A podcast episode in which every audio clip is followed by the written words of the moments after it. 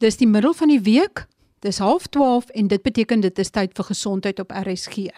Ek gesels vandag oor postnatale depressie, oftewel nageboorte depressie. Dit kan 'n vrou baie hard slaan en die hele gesin beïnvloed. Vrouens kan in hierdie tyd selfs dink aan selfdood. Hulle voel of hulle in 'n stormsee is onder water en nooit kan opkom om asem te skep of om enigsins suurstof te kry nie. Tog word baie vrouens nooit gediagnoseer nie. Hulle hou uit. Hulle dink dit is normaal, maar dit is nie normaal nie en daar is hulp vir hierdie vrouens. Ek gesels met dokter Elsa De Tooy, 'n psigiater met 'n spesiale belangstelling in moedergesondheid en sy's verbonde aan die Panorama Gesondheidsorg Psigiatriese Kliniek. Ons gaan kyk na die verskillende vorms van postnatale depressie, baby blues en ware postnatale depressie en na die behandeling ook hiervan. Môre Marie, weet jy dis vir my baie lekker om vandag met julle te gesels want ek dink dit is 'n onderwerp wat te min aandag kry. Dis vir my belangrik dat vrouens moet weet dat dit 'n geweldige algemene toestand is. Ek dink omtrent 1 in 8 swangerskappe wêreldwyd en in sekere lande soos ons in is die nommers baie hoër. Sekere populasies sien ons amper 1 in 2 vrouens. So dis werklik baie hoog. En die vrouens moet weet dat daar is behandeling en dit is anders as wanneer 'n mens net swaar kry, net 'n moeilike baba het. Ek dink baie keer voel vrouens hulle kan nie vir hulp vra nie want hulle is bang hulle word as 'n slegte ma gesien. En hierdie is heeltemal iets anders. Postnatale depressie is 'n siekte wat behandel kan word. Wat is postnatale depressie? Want dit is depressie in 'n spesifieke tyd. Wat ons sien is dit is 'n ma wat die heeltyd hartseer is, nie kan vreugde vind in haar baba of in enige iets nie, negatiewe gedagtes het, ehm um, slaap is sleg en angs is 'n baie groot komponent. So die vrouens se funksionering is ook net nie wat dit moet wees nie. Dit's nie wat hulle gewoonlik gewoond is aan nie. En dan natuurlik baie skuldgevoelens oor dat dit vir hulle voel hulle kry dit dan nou nie reg nie. Hoe dan nou? Almal lyk of hulle dit so maklik reg kry en wat is fout met my? Ek dink wat die verskillende vorms is wat jy van gehoor het dalk. Baby blues is baie algemeen. Dit word nie as 'n siekte gesien nie. Baby blues sien ons so 3-4 dae na geboorte. En dit is tipies wat ons sien as gevolg van hormonale veranderinge wat baie merkbaar is na geboorte en ook maar net die hele aanpassing van ma word die hele geboorteproses wat nogal Ek dink dit is sekerlik die grootste aanpassing vir 'n vrou om van 'n uh, enkeling na 'n ma te verander en ook die fisiese en biologiese faktore wat daarmee saamgaan. So wat die blues behels is dis 'n gevoel van net oorweldig wees, angs is dikwels ook 'n komponent daarvan. Vrouens voel ook baie keer bedruk, maar dit is kortstondig. So dit moet nooit meer as 'n week duur nie en dit moet ook nie die vrou se funksionering beïnvloed nie ek wil net 'n miskien 'n waarskuwing daar gee, dat mense moet die blues mooi dop hou, want dikwels dink mense, ag is net die blues. Toe maar moenie bekommerd wees dit is net die blues, maar dan gaan die blues nooit weg nie. Dan is dit nie die blues nie. So die blues kan 'n voorspeller wees vir postnatale depressie. So wanneer 'n vrou blues het, is dit belangrik dat ons kyk dat dit wel opklaar.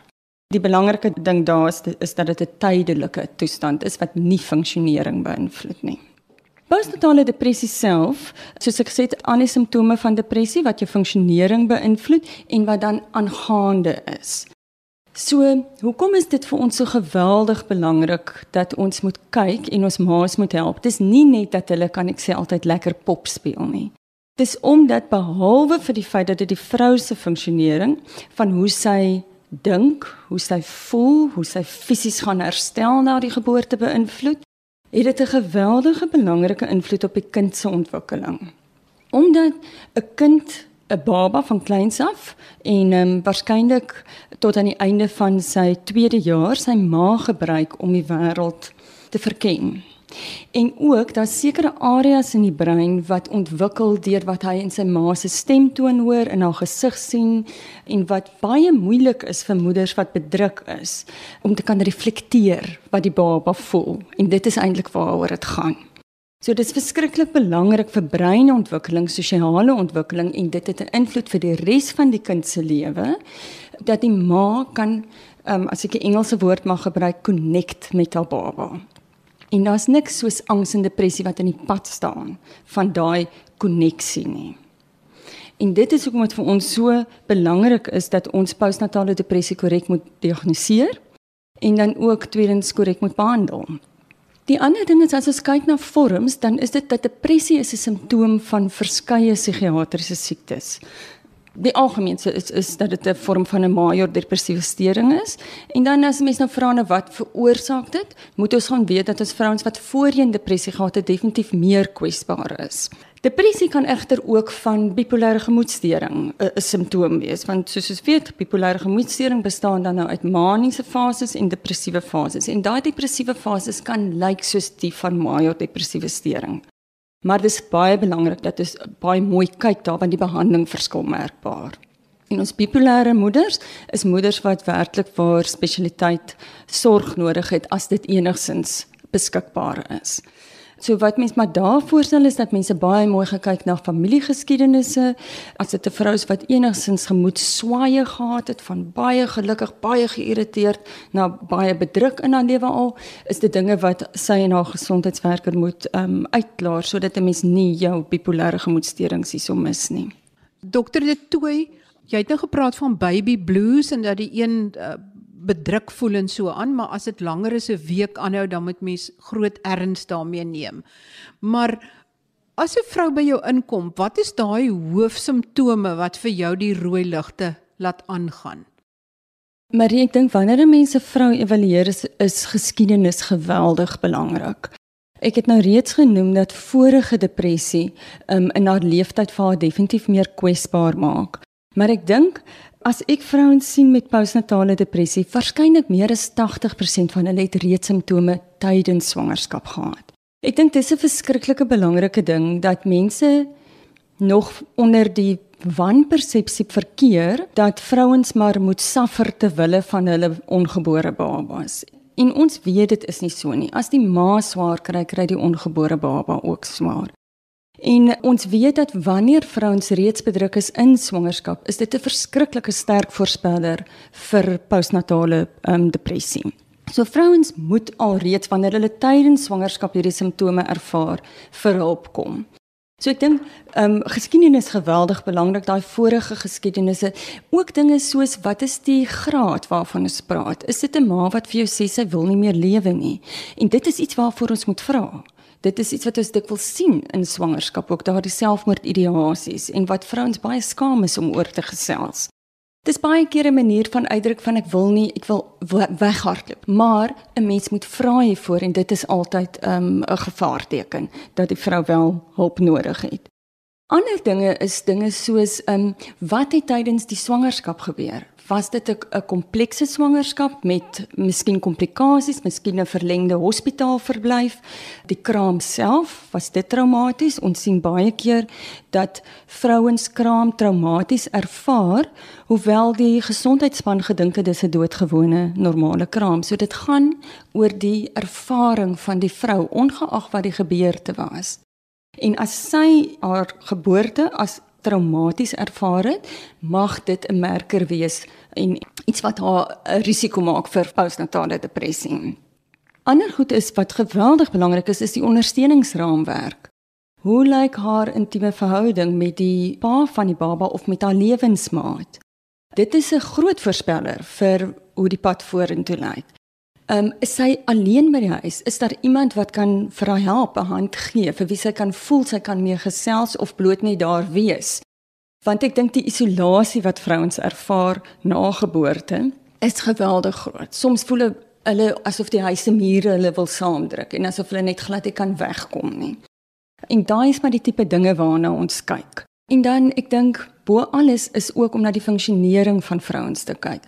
Maar weer eens 'n woord van waarskuwing. Vrouens wat oor die algemeen hoogs funksionerend is, funksioneer voort. Hulle kom dikwels eers by ons aan as hulle regtig baie siek is, want hulle hou aan om hulle babas te versorg. Hulle hou aan om hulle take te doen terwyl hulle eintlik baie sleg binnekant voel. Ehm um, terwyl ek nou praat van babas versorg, ek dink Daar is 'n ander ding wat ons dikwels vergeet en dis dat daar ander kinders ook by die huis is. Veral wanneer mens dink aan ek is 'n depressie leier en moet ek my pille stop omdat ek wil swanger raak. Mens moet onthou van hoe die omstandighede lyk in jou huis. Is daar dalk nog 'n kleintjie onder 3 jaar wat jou nodig het om die beste ma te wees wat jy kan wees in die beste gemoedstoestand wat jy kan hê?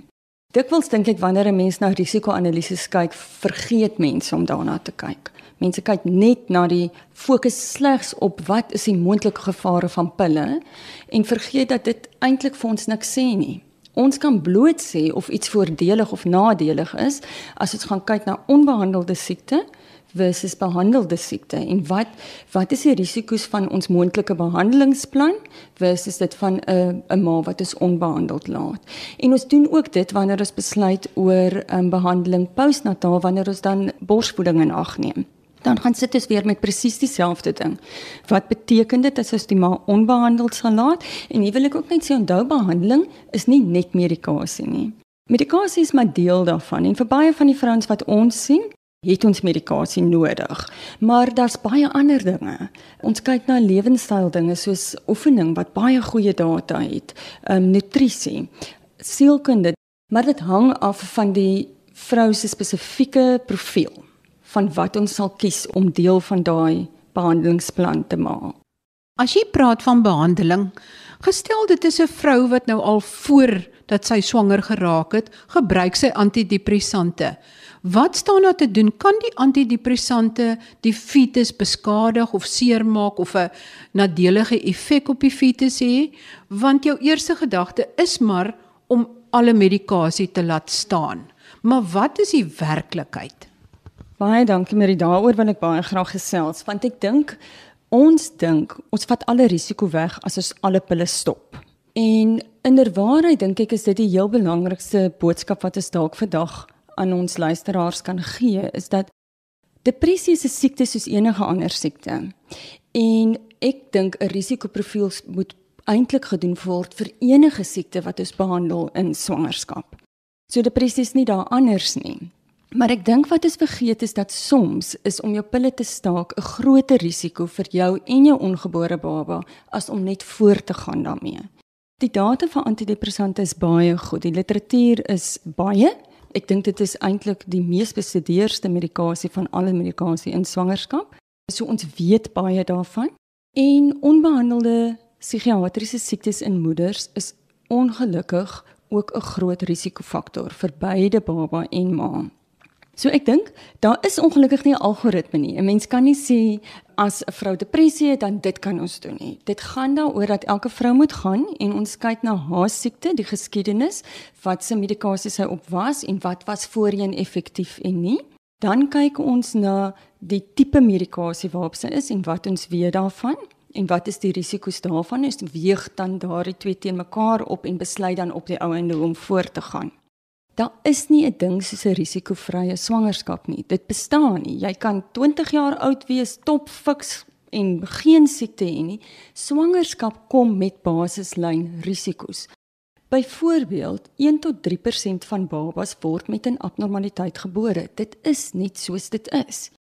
En die rede hoekom ek dink dit belangrik is dat mense dit moet weet is want ek dink ons gebruik 'n 0% basisrisiko as ons dink aan pille se effek en ons het nie 'n 0% basisrisiko nie. So wanneer ons wil gaan kyk na is die pille soos jy nou gesê het gevaarlik vir die baba, moet ons die basislyn risiko wat 1 tot rondom 3% is gebruik. Daar is geen antidepressant vandag wat dit oorskry nie. So wêreldwyd word antidepressante nie as ons praat van teratogene 'n teratogene is 'n middel wat 'n baba 'n strukturele wanvorming kan gee en die antidepressante word nie onder hulle geklassifiseer nie. Die data in swangerskap is geweldig moeilik om te interpreteer. As 'n mens nie vertroud is met die wêreld van statistiek en data nie, is dit regtig dit is 'n mynveld. Omdat ons nie swanger vrouens op studies sit nie, dit is bloot nie eties om dit te doen nie. So daar's verskriklik baie faktore in ons studies wat potensieel ons data kan versleier. So 'n mens moet baie wyd lees, jy moet baie studies van verskillende auteurs lees en dan moet 'n mens mooi gaan kyk wie het hulle na gekyk en wat het hulle gerapporteer. Want dikwels is die hoofopskrif eintlik 'n ander boodskap as wanneer jy die artikel in diepte bestudeer het. So ek dink dis belangrik dat mense hulle self bemagtig met kennis, maar dat mens ook bewus is dat alles wat jy lees nie die hele verhaal is nie. Ongelukkig en gelukkig is Google daar. So dit is 'n goeie ding want dit hou vir ons op ons tone. Maar ek dink in swangerskap spesifiek is dit wanneer jy 'n ding lees wat jou ontstel is om dit na jou dokter toe te neem sodat jy kan kyk, is dit goeie data, is dit slegte data? Is daar nog ander data wat ons hiermee moet vergelyk? Want dit dis 'n baie komplekse onderwerp en om werklik sin uit te maak daarvan is nie eenvoudig nie. Ons werk is om daai mynveld van data vir jou verstaanbaar te maak. Om dit wat daar is te vat en te sê okay dit is wat dit beteken in gewone taal vir ons dat ons kan verstaan wat hierdie mense wat die navorsing doen wil sê dan vind ek is dit makliker om 'n mens se besluit te maak en 'n ingeligte besluit te maak want dit is waaroor dit op die ouende gaan dat jy verstaan hoekom kies ek om wel medikasie te neem en hoekom is dit die regte besluit vir my en my kinders en my man en my ongebore baba Ons het nou gepraat as die vrou tydens swangerskap kan voortgaan met haar medikasie, maar die behandeling dan as sy nou so diep in 'n gat geval het nadat die baba gebore is. Hoe lank hou daai teneergedruktheid en die swak gemoed of die lae gemoed aan? Is dit dan vir ewig of gaan dit weer weg na 'n tyd? En wat is die oorsaak? Hoekom gebeur dit? Daar is 'n klein populasie vrouens wat geweldig sensitief is vir die hormonale veranderinge in swangerskap. En ons vind dat hulle het postnatale depressie en sodra die hormone terug is na die non-swanger fase, dan sit hulle en dan kry hulle nie weer depressie in hulle lewenstyd. Hulle hulle depressie is werklik net gekoppel aan hormonale veranderinge. Maar dis 'n klein groepie. Vir die oorgrootste meerderheid van vrouens werk dit soos ander depressiewe episodes dat wanneer jy een episode gehad het, is jy meer kwesbaar vir die lewe vorentoe. Maar weer eens niks is weet in sement vasgelê nie en elke individu stap nou maar sy pad soos dit loop. Ek beveel altyd aan dat as ons 'n postnatale depressie gehad het, om dit te mik om ten minste vir 'n jaar te behandel. Vir die eenvoudige rede dis 'n jaar van geweldig baie veranderinge vir die meeste ma's van min slaap baie keer moet ons terug gaan werk toe. So daar's so baie konstante veranderinge, konstante uitdagings dat dit net 'n kwesbare tyd is om te probeer medikasie verminder of weg te neem. En jou kanse om dit weg te neem sou jy sonder medikasie wil wees waarskynlik beter na daai tydperk. Die ander ding is as jy 'n kroniese depressie leier is, dan gaan jy waarskynlik langer en miskien selfs lewenslank moet medikasie gebruik bloot omdat jou kanse vir 'n relapse soveel groter is as iemand wat nie kroniese depressie het nie. Die oorsaaklike faktore, ons het nou reeds genoem die hormonale veranderinge, want daar is 'n verskriklike groot hormonale swaai as ek dit so kan noem, feitelik onmiddellik na geboorte. Genetika speel 'n rol. So as jy 'n ma of 'n sussie het met postnatale depressie, is jou kanse waarskynlik ook hoër. Dis waarskynlik in elk geval hoër as jy 'n familielid het. Vorige depressie het ons reeds genoem die die traumas, as hy enige trauma was in swangerskap of tydens die geboorte en dan sosiale omstandighede. Ek dink ek kan dit nie genoeg benadruk nie. Ons het vir baie lank die paas of die lewensmaats geïgnoreer in moederlike gesondheid en in perinatale psigiatrie en ek dink die laaste paar jaar het dit geweldig duidelik geword dat dis nie net die ma se gemoed wat die baba ontwikkeling beïnvloed nie. Die paas is net so belangrik. En dit is baie interessant dat daar 'n lineêre verhouding is tussen die paas en die maas se gemoed. Wat mens miskien ook vir die dokters wat ingeskakel is kan sê is as jy 'n moeder het met postnatale depressie, moet jy gaan kyk na die maat se gemoedstoestand ook.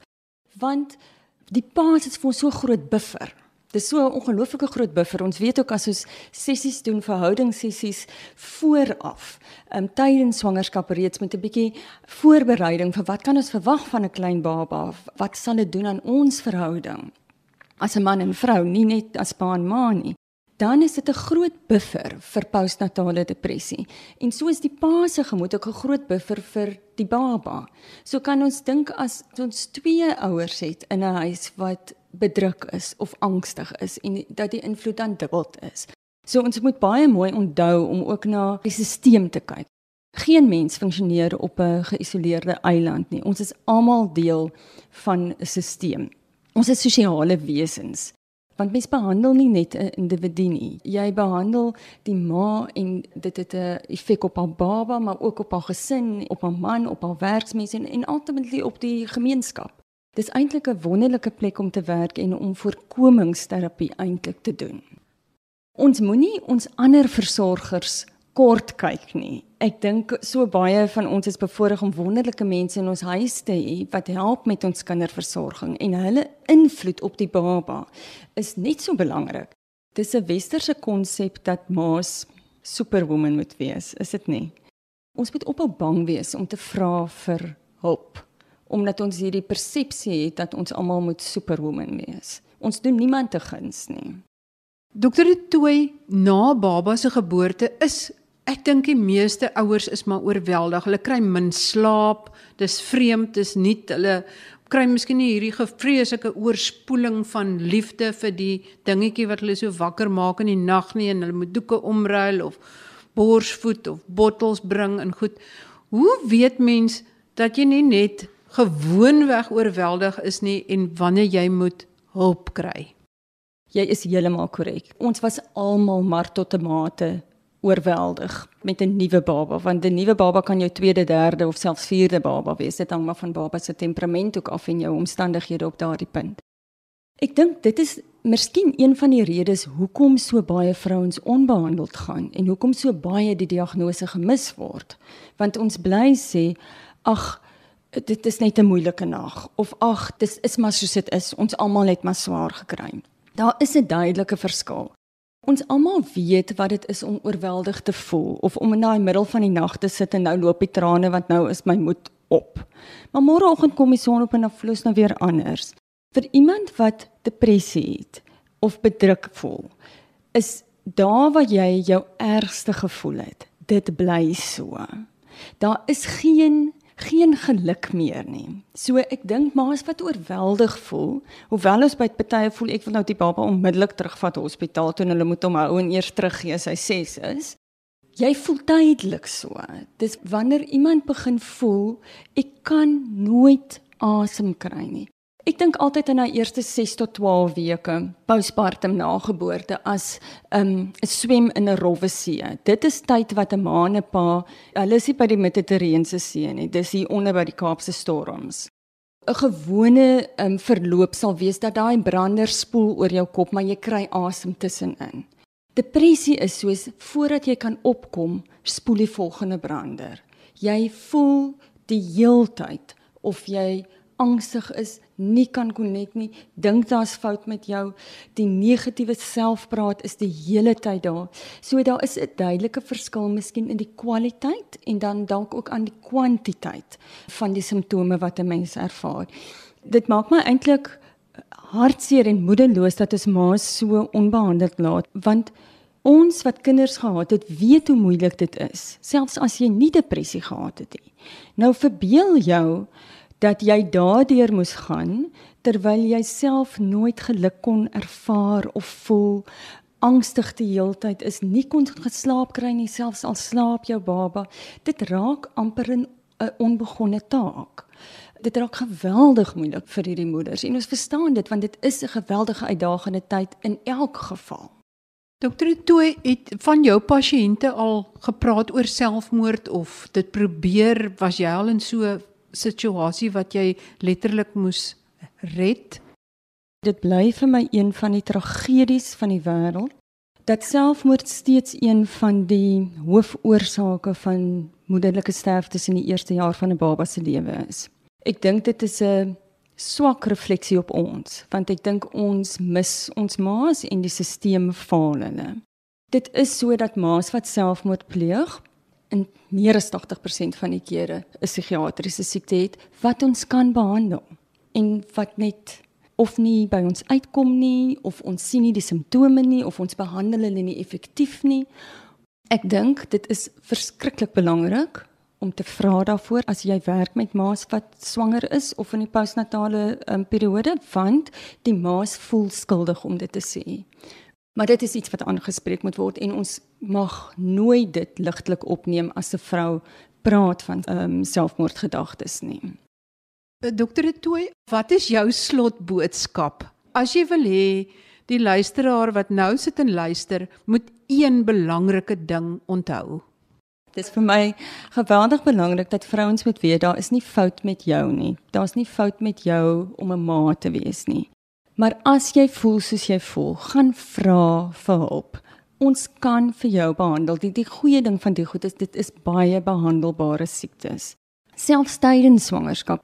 As mense een ding hoor, hoor dit dat medikasie tydens swangerskap nie gekontra-indikeerd is nie. Dit beteken jy kan depressie behandel tydens swangerskap en ons kan dit veilig doen.